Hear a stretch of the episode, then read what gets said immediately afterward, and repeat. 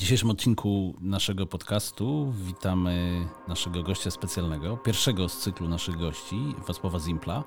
Muzyka, ale i człowieka, który y, myśli o dźwięku w kategoriach y, bardziej intelektualno-antropologicznych. Czyli nie dość, że wytwarza dźwięki, to także stara się dźwięki i otoczenie audialne wokół siebie i wokół innych rozumieć.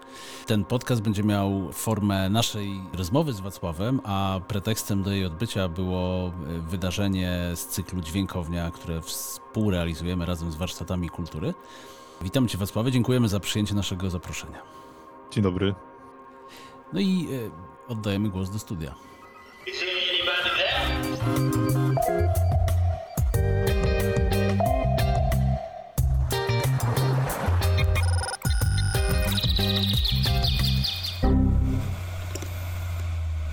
Co słychać? Podróże po dźwiękach, foniach i mediach. Podczas y, naszego spotkania w warsztatach kultury, pierwszego spotkania dźwiękowni, mieliśmy okazję rozmawiać o deep listening i świadomym słuchaniu. I chciałabym pociągnąć jeszcze, jeszcze ten temat, tylko włączając do tego media, technologie. Pytanie będzie trochę złożone, w każdym razie dotyczy mm, jednej dużej kwestii, czyli y, czy wielość, różnorodność nośników, y, mediów wpływa pozytywnie na odbiór dźwięków, czy może jak, w jakiś sposób y, też przeszkadzać w odbiorze, bo tak, z jednej strony mamy wiele możliwości doświadczania dźwięków poprzez media, nawet biorąc pod uwagę to, że, że mamy radio, telewizję, ale też wielość różnych słuchawek, głośników i takich możliwości e, technicznych, technologicznych. A z drugiej strony, może właśnie te media powodują to, że jesteśmy rozproszeni, że, że te dźwięki się na siebie nakładają i wręcz to świadome słuchanie jest utrudnione przez media. No, wydaje mi się, że mogę w sumie chyba tylko z własnego doświadczenia o tym, e, o tym mówić. I z całą pewnością dla mnie to jest problem. Jakby ta ilość nośników, streamingów, wcale mi to nie pomaga w, w koncentrowaniu się na muzyce, mimo że dostęp do niej jest nieograniczony w tej chwili. E, ale mi w sumie jest się trudno w tym, w tym poruszać. Tak naprawdę, e, jeśli chodzi o słuchanie, słuchanie muzyki, to potrafię jej słuchać w zasadzie chyba tylko w studio e, u siebie, tak, tak naprawdę. Oczywiście słucham i w samochodzie, i w, nie wiem, na lotniskach, w podróży, ale to z, zawsze mi brakuje takiego uspokojenia się i, i faktycznie w tym miejscu, gdzie pracuję nad dźwiękiem, no najlepiej mi się słucha, słucha muzyki. I faktycznie ta technologia z jednej strony e, jest błogosławieństwem, bo mamy dostęp praktycznie do wszystkiego non-stop, na, na wszystkim, na zegarku, telefonie, komputerze, ale faktycznie chyba, mm, chyba, znaczy mnie przynajmniej to, to rozprasza, ale jak to jest tak ogólnie, to bardzo trudno mi powiedzieć. Myślę, że to trochę zależy od, y, od PESEL-u. Wydaje mi się, że młodsi ludzie dużo lepiej sobie z tym radzą niż moje pokolenie i starsze. A czy myślisz, że to jest również w jakimś sensie doświadczenie, w pewnym sensie pokoleniowe? To znaczy, że y, dzisiaj widok człowieka ze słuchawkami na ulicy, ze słuchawkami na uszach na ulicy, człowieka który na co dzień pracuje z, z mikrofonem, czy to generalnie y, zmieniło nasze sposoby słuchania i, i, bycia czułym na dźwięki? Chodzi tobie o, o widok człowieka z, z mikrofonem, który nagrywa dźwięk na, na ulicy? Bardziej w takich kategoriach, że no, mamy za sobą czasy teleedukacji, mamy niesamowitą ilość blogerów, streamerów, którzy w zasadzie no, jednym z podstawowych sprzętów swojej codzienności uczynili właśnie mikrofon, głośniki hmm jakiś rodzaj mhm. streamu audio. Czy to, czy to spowodowało, że słuchamy inaczej, czy że, ta, czy że ta głębokość słuchania jest przez to jakoś rozpracowana, czy ma to jakiś związek? Wydaje mi się, że to nie ma do końca, do końca związku, że tak naprawdę głębokie słuchanie to jest po prostu nastawienie się na świadome odbieranie y, dźwięku i do tego nie potrzebujemy tak naprawdę ani mikrofonu, ani słuchawek, po prostu potrzebujemy słuchać. I w, wydaje mi się, że natłok informacji jest akurat dystraktorem. I ta informacja może być również y, audialna. Zbyt duża ilość bodźców, wydaje mi się, może nas, nas paradoksalnie odcinać od tego, tego wejścia w, w, głębokie słuchanie. Natomiast generalnie tak jak, jak tą koncepcję głębokiego słuchania rozumiem, to generalnie chodzi w niej o to, żeby w każdych warunkach po prostu świadomie słuchać, obojętnie co się dzieje i w jaki sposób. Także wydaje mi się, że ta koncepcja gdzieś tam wykracza jakby poza to, o czym mówimy, o tym y, rodzaju y, świata, który, który nas otacza. Oczywiście ta technologia w tej chwili jest po prostu totalnie wszechobecna, ale myślę, że ta koncepcja jest szersza i ona jakby pasuje do, do wszystkich okoliczności. To może nie skupiając się już na słuchawkach, przejdźmy do drugiego urządzenia obecnego, wszechobecnego w dzisiejszym świecie, do urządzenia mikrofonu, też do oprogramowania software'u y, mediów cyfrowych. Chodzi mi o zjawisko kompresji. Wacławie, czy uważasz, że, no właśnie, czy to nie jest Twoim zdaniem tak, że trochę to nasze deep listening, to nasze świadome słuchanie, tudzież mm, słyszenie, to zjawisko kompresji, no właśnie, pomaga w tym deep listening, czy raczej niekoniecznie? To znaczy, hmm. czy, czy kompresja daje nam esencję y, wszystkich dźwięków naszego otoczenia, nasz, tego, tych dźwięków, które odbieramy, czy wręcz y, troszeczkę te, to zaburza? Chodzi o używanie kompresora w pracy studyjnej i w, y, przypuszczanie sygnału audio przez, przez kompresor? Z jednej strony tak, mówiąc o Twoich działaniach artystycznych, e, natomiast tutaj mówiliśmy przed chwilą o osobach, które podróżują przez świat w swoich słuchawkach i w zasadzie mhm. odbierają ten dźwięk e, w troszkę mniejszym spektrum częstotliwości. Tak, w, w tej chwili takie komercyjne słuchawki, one, one są bardzo specyficzne. Zazwyczaj mają podbite e, niskie pasma Podobnie jest w samochodach. Na pewno to się bardzo różni od e, słuchania muzyki na głośnikach na przykład z lat 70., które nie podbijały tego dolnego, dolnego pasma i też, też muzyka w te najniższe częstotliwości zazwyczaj, zazwyczaj nie, nie schodziła wówczas. W tej chwili to się bardzo zmieniło i w, w szczególności w muzyce elektronicznej to niskie pasmo jest bardzo eksplorowane. Te narzędzia do odsłuchu właśnie są y, skonstruowane do tego, żeby do doświadczenia tych niskich częstotliwości y, podbić. No ja myślę, że to jest w dużej mierze kwestia, kwestia gustu. Ja nie, nie, nie przepadam za, za tymi y, boosterami basowymi w tym współczesnym sprzęcie komercyjnym, ale myślę, że jest to w dużej mierze kwestia gustu.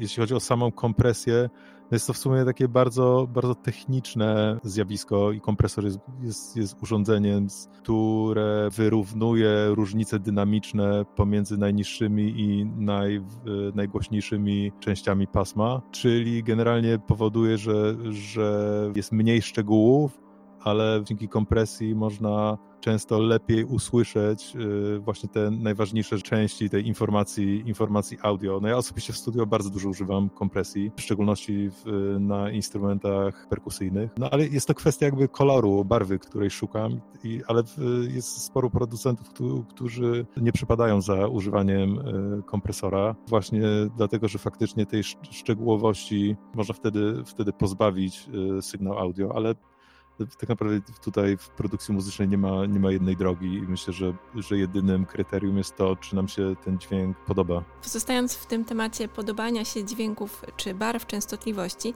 to jestem ciekawa też, czy, mm, czy według Ciebie są właśnie barwy, częstotliwości, czy w ogóle dźwięki, które mogą wywoływać negatywne emocje, albo irytować, albo wprowadzać w niepokój. Wcześniej uważało się, że tryton to taki e, diabelski, e, diabelska barwa. A czy uważasz, że teraz, e, ja szczerze powiedziawszy, na własnym doświadczeniu mogę powiedzieć, że uczestniczyłam w kilku koncertach muzyki eksperymentalnej czy noizowej, podczas której wywoływała ona niepokój, i to też było świadome założenie muzyków. I czy według Ciebie rzeczywiście niektóre, y, niektóre dźwięki mogą tak wpływać na, na ludzi, na ludzki organizm? Myślę, że, że jak najbardziej tak. Częstotliwości, sposób ich wykorzystania i łączenia ze sobą jak najbardziej wpływa na to, w jaki sposób się, się czujemy. Ze strony y, muzyka, dla mnie to jest, to jest w sumie ogromna odpowiedzialność, żeby faktycznie to, co wydobywa się z głośników, czy na koncercie, czy, czy na płycie, żeby było czymś, co tak naprawdę powoduje, że ludzie się czują lepiej. Co nie, nie znaczy wcale, że te, to doświadczenie y, musi, być, musi być proste. Szczególnie w tej chwili, kiedy ten świat jest bardzo skomplikowany i trudny do, do zaakceptowania, to wydaje mi się, że ta muzyka, która, która nas uspokaja i koi, wydaje mi się, że jest w tej chwili szczególnie, szczególnie ważna. Natomiast to jakby co powoduje to, że się czujemy lepiej, a co powoduje to, że się czujemy gorzej, trudno mi jest tak jednoznacznie i szybko odpowiedzieć na to pytanie, bo wydaje mi się, że tych, tych czynników jest bardzo, bardzo dużo ale totalnie rozumiem to doświadczenie, o którym mówisz y, i też zdarzało mi się być na, na koncertach, na których po prostu nie byłem w stanie wysiedzieć dłużej niż y, kilkadziesiąt sekund, bo po prostu one wpływały na moje ciało w tak y, negatywny sposób, że po prostu nie miałem ochoty z tym, z tym obcować, ale też były takie koncerty, które, które robiły coś dokładnie, dokładnie innego. I to nawet niekoniecznie musiało być związane z wolumenem ale przede wszystkim chyba z intencją i świadomością posługiwania się tymi, tymi częstotliwościami. Na przykład pamiętam taki koncert sprzed wielu lat, jak jeszcze, jak jeszcze studiowałem, Angeli Hewitt, która grała pierwszy tom Das Voltemperite Klavier e, Bacha. I pamiętam, że to pierwsze preludium C-dur e, w jej wykonaniu to było coś najbardziej niezwykłego, co chyba na żywo, na żywo miałem okazję usłyszeć. To był po prostu akustyczny fortepian i sposób wydobycia dźwięku przez nią, ale chyba przede wszystkim intencja, z którą ona, e, ona grała, powodowało coś takiego, że, że to było naprawdę jak jakaś, jakiś rodzaj terapii. I wydaje mi się, że może się wydarzyć coś dokładnie odwrotnego, kiedy znaczy, do końca nie wyobrażam sobie tego też, o czym, o czym ty mówiłaś, że ktoś ma intencję, żeby wywołać mm, negatywne uczucia w, e, u słuchacza nie wiem, powiedzmy w, w ścieżce filmowej, kiedy obraz tego wymaga, to mogę zrozumieć taką intencję, natomiast takiej intencji w, po prostu, żeby wykonać coś, co ma skonfrontować kogoś z, z, negatywnymi emocjami, to jest coś, jakby czego ja osobiście unikam i nie przypadam za tym.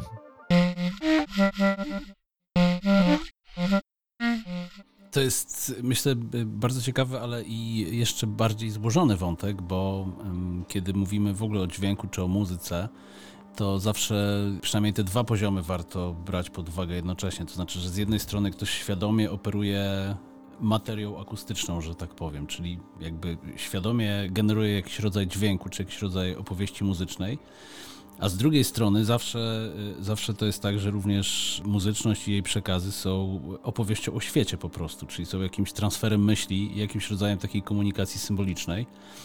No i teraz pytanie, y, które poniekąd y, wychodzi z tego szumu jako przeszkody, czy z tej kompresji jako przeszkody i wraca do, wraca do, do, do tego, o czym mówiliśmy na początku, czyli na ile to słuchanie uważne Twoim zdaniem jest zabiegiem czy umiejętność takiego słuchania y, uważnego, głębokiego jest zabiegiem, który przede wszystkim y, dotyczy natury dźwięku jako takiego, a o ile bardziej jest ono poświęcone temu, żeby rozważać intencje, barwy, symbole kryjące się y, za dźwiękami? Wydaje mi się, że deep listening przede wszystkim polega na tym, żeby obserwować dźwięki, ale chyba nie do końca po to, żeby, żeby je oceniać, tylko żeby utrzymywać naszą świadomość na tym, co nas otacza i rzeczywistości, żeby być najbardziej w, w danym momencie, żeby, żeby być połączonym z, e, z światem, który nas, nas otacza. E, I wydaje mi się, że to jest najważniejszy aspekt praktyki deep listening, czyli żeby być połączonym z rzeczywistością. Natomiast kwestia rozumienia symboli, odczuwania intencji, Wydaje mi się, że to jest y, jeszcze coś trochę innego. Oczywiście ta praktyka deep listening może mm, nas wyczulić na, na wiele rzeczy. Natomiast jeśli chodzi o odczytywanie symboli, no to, to myślę, że jest to przede wszystkim kwestia edukacji kulturowej, rozumienia kultury, w której się, w której się poruszamy. A kwestia odbierania intencji, wydaje mi się, że, że jest czymś takim, czego do końca chyba się nie musimy uczyć, że e, każdy tak naprawdę czuje, czy coś mu, coś mu leży albo, albo nie i z jakimi częstotliwościami mu jest dobrze, a z jakimi, z jakimi nie. Może być tak, że, że jesteśmy odcięci od rozumienia tych, tych odczuć, które się pojawiają w naszym, w naszym ciele e, i, i często nad tym, myślę, ludzie muszą pracować i wydaje mi się, że w, w tej kwestii deep, deep listening też może być odpowiedzią Nawiązując do, te, do tego, o czym e, przed chwilą mówiłeś, czyli o tych aspektach kulturowo-edukacyjnych i pewnych takich kodach kulturowych, które mamy mimochodem, to znaczy, że na pewne rzeczy zwracamy uwagę, na inne nie zwracamy uwagi, pewne są dla nas przyjemne, inne są dla nas nieprzyjemne. Mi się zdaje, że to jest y, y, jednocześnie e, coś takiego, co jesteśmy, czego, czego się uczymy w życiu, a, a z drugiej strony jest to w pewnym sensie jakoś tam naturalne, to znaczy na pewne dźwięki rzeczywiście reagujemy alergicznie albo są dla nas powabne. E, z tym, że to nigdy nie jest tylko organiczne, ale bardzo często jest to właśnie przykrywane przez te różne kalki kulturowe, które nam mówią e, o tym, że coś jest ładne, coś jest, coś jest brzydkie. No ale w tym kontekście chciałbym e, spróbować pokusić się o to, żeby zapytać Cię o komentarz do mm, jednej z takich myśli założycielskich, która nam towarzyszy od początku, kiedy próbowaliśmy myśleć o dźwięku że, że dźwięk i słyszenie y, jest na drugim planie wobec dominującej w naszej kulturze y, logice patrzenia obrazów i, i wizualizowania wszystkiego i że temu dźwiękowi poświęcamy zdecydowanie mniej y, atencji, że on nie jest taki bardzo kulturowo znaczący jak, jak, jak te pozostałe kody komunikacji. No i pytanie, w gruncie rzeczy chyba to pytanie sprowadza się do takiego prostego zderzenia, czy, czy punkt widzenia mówiąc tak najbardziej ogólnie, punkt widzenia, perspektywy, można by spróbować zastępować, zastąpić, yy, albo przynajmniej podważyć przez punkty słyszenia.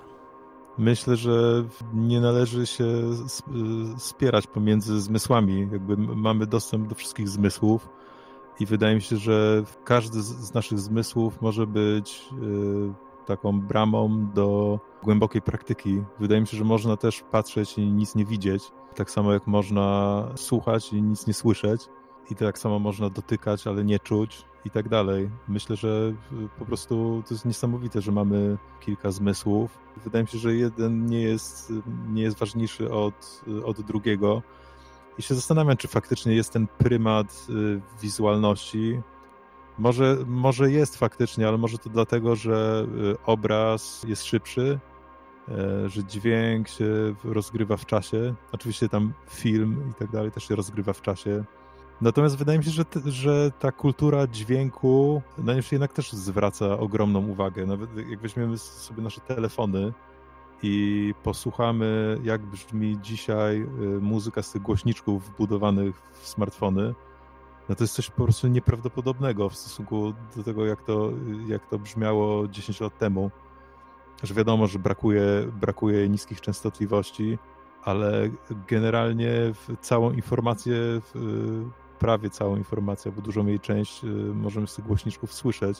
No wydaje mi się, że to też jest taki dowód na to, że jednak ta sfera audialna, ona, ona też jest dla nas wszystkich ważna też chcemy po prostu dobrze słyszeć. Wiadomo, że, że my jako ludzie jesteśmy leniwi, jak mamy komputer, to często nam się nie chce na przykład podłączyć y, głośników, które stoją w innym pokoju i słuchamy albo tam oglądamy coś na wbudowanych głośnikach, ale też te wbudowane głośniki w tych najnowszych komputerach, one są szokująco dobre często i, I, wydaje mi się, że za, nie wiem, może być tak, że za, za kolejne 10 lat może one będą po prostu totalnie satysfakcjonujące, że nie będziemy musieli mieć zewnętrznego sprzętu odsłuchowego. Nie wiem, czy odpowiedziałem na pytanie, trochę się no tak, generalnie tak, bardzo Ci dziękuję, bo wiesz co, to jest tak, że to jest oczywiście teza jest dyskusyjna, zależy od punktu widzenia, od punktu, od punktu siedzenia. Słyszenia.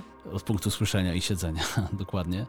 Natomiast no, sam, sam ten koncept głębokiego słyszenia E, wydaje mi się, że w ogóle chodzi o to, że można by go rozciągnąć e, według takiej kategorii w ogóle głębszego zanurzenia się w rzeczywistości. Nie? Tak, mm. sam, sam, mówiłeś, że głębszej praktyki, tak. czyli takiej, której, e, której poświęcamy nieco więcej uwagi, która staje nieco bardziej jakościowa przez to, że jest to dla nas czynność ważna, a nie, a nie, a nie jedna z 50 milionów, które wykonujemy, mm. wykonujemy mimochodem. No, no dokładnie i, tak. I, i, I, tu pewnie się rodzi jakaś taka kwestia, nie wiem, czegoś, co można by nazwać rodzajem e, ekologii poznawczej albo ekologii działania, gdzie sobie po prostu próbujemy wskazać te obszary, które są ważne, które są e, budujące, które jakoś tam dostarczają nam czegoś pożytecznego i zdrowego, a zlekceważyć te rzeczy, które można rzeczywiście robić mimochodem, nie, nie, nie, nie mając na tym e, polu jakiejś straty. Dla mnie ta praktyka deep listening, ona w, przede wszystkim jest takim sposobem na, na takie świadome, świadome bycie e, w rzeczywistości. I oczywiście to się przekłada na praktykę, praktykę muzyki. muzyka, która, która się opiera na tym głębokim, głębokim słuchaniu i szacunku do, do różnych źródeł dźwięku, jest czymś, co, co mnie interesuje. Natomiast no, faktycznie dla mnie chodzi w tej praktyce o to, żeby być świadomym uczestnikiem rzeczywistości. Jeszcze nawiązując do tego, co na początku pytałam o te, o te media i technologie, to myślę, że właściwie te, te media mogą być wręcz takim wyzwaniem e, do praktykowania e, deep listening, ponieważ im więcej mamy tych rozpraszaczy, tym bardziej musimy się skupić na tej właśnie na tej ekologii e, słyszenia akurat w tym przypadku i może po prostu możemy to traktować jako pewnego rodzaju wyzwanie i nawet taka droga do domu, jeżeli ją pokonujemy powiedzmy pieszo, to zamiast zakładać słuchawki, wybieramy sobie dźwięki, które, które będziemy słyszeć i którym poświęcimy swoją uwagę. Zgadzam się z tym, z tym, z tym co mówisz, że jakby ta y, mnogość tych mediów, nośników i tak dalej, ona jest po prostu wyzwaniem. Ta, ta soniczna rzeczywistość się zmienia e, ale deep listening polega na tym, żeby obserwować słuchem to, co się dzieje dookoła czy w ogóle jesteśmy w stanie teraz doświadczać ciszy i czy ona jest dla nas w jakiś sposób, może być nadal naturalna? Bo pamiętam, że jak rozmawialiśmy e, po e, Twoim koncercie w warsztatach kultury, to wspominałeś, że w swoich realizacjach, nagraniach zawsze e, dodajesz szum. Stosujesz szum, dlatego że samo, mm, sama muzyka bez tego szumu wydaje się nienaturalna. Tak, no bo jak, jak, słuchamy na przykład muzyki na koncercie, nawet jeżeli to jest powiedzmy akustyczny koncert, to jest cała masa różnych innych dźwięków, chrząkający ludzie, nie wiem, szuranie krzeseł, szum, y, oświetlenia i tak dalej. Także mm, jesteśmy przyzwyczajeni po prostu do tego, że, że tych dźwięków jest bardzo dużo dookoła, poza tymi, które, y, które teoretycznie powinny stanowić muzykę. Mnie w, produkcji muzycznej interesuje stworzenie takiej przestrzeni, w której, która nie jest sterylna, e, tylko taka, która po prostu naturalnie wchodzi w kontakt z, z słuchaczem i, albo tworzy, tworzy, taką sonosferę, która jest dla nas, dla nas naturalna. Dla, ja dlatego to robię. I bardzo nie lubię nagrań, które są do bólu sterylne, Oczywiście one nigdy nie są w 100% sterylne, bo czegoś takiego nie ma, ale dla mnie poszukiwanie takiego studia, w którym słychać po prostu tylko i wyłącznie te instrumenty, które są nagrywane, mnie to zupełnie nie, inter nie interesuje, bo nagrywanie muzyki w ten sposób jest dla mnie po prostu y, nudne.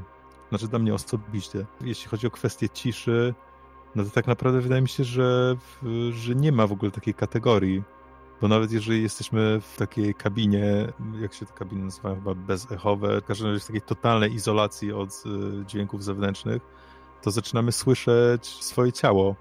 Tak, e, bicie serca. Przepływ krwi, mhm. bicie serca, dzwonienie w uszach, jak ktoś ma i tak dalej. Także nie wiem, wydaje mi się, że, że po prostu kategoria ciszy tak naprawdę nie istnieje. Nawet rozmawialiśmy podczas jednego z podcastów, że w takiej komorze ludzie byli w stanie wytrzymać chyba pół godziny czy 40 minut, ponieważ po tym czasie zaczęli się po prostu bać i ta cisza wywoływała w nich niepokój i zaczęli trzymać się krzeseł.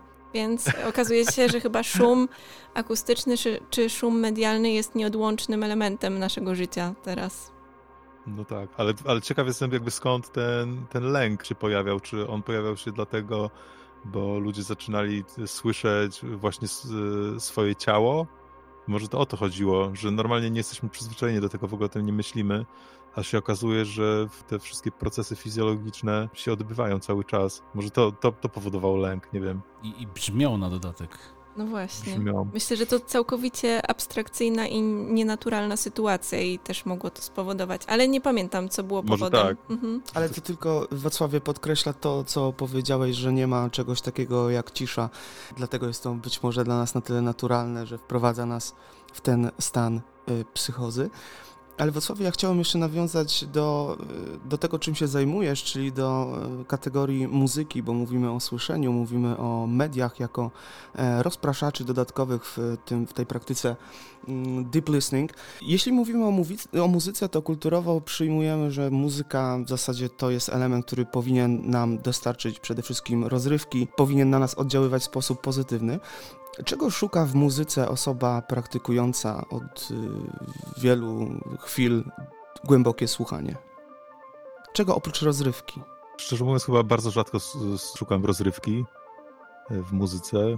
Chyba w tej chwili e, najważniejsze dla mnie są takie, takie albumy, taka muzyka, która, która mnie uspokaja, tak mówiąc naj, najprościej, która w żaden sposób nie, mnie ze sobą nie konfrontuje, tylko po, powoduje, że po prostu się, się lepiej czuję.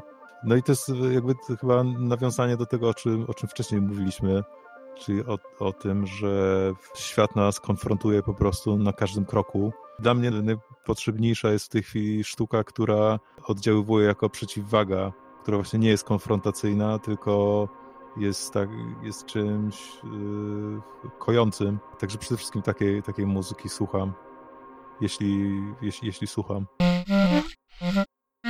Bardzo, bardzo dziękujemy za udział w, w, tej rozmowie. Naszym i Państwa gościem był dzisiaj e, Wacław Zimpel, muzyk i jak usłyszeliśmy, rozkminiacz głębokiego słuchania. Bardzo dziękuję również Wam za rozmowę.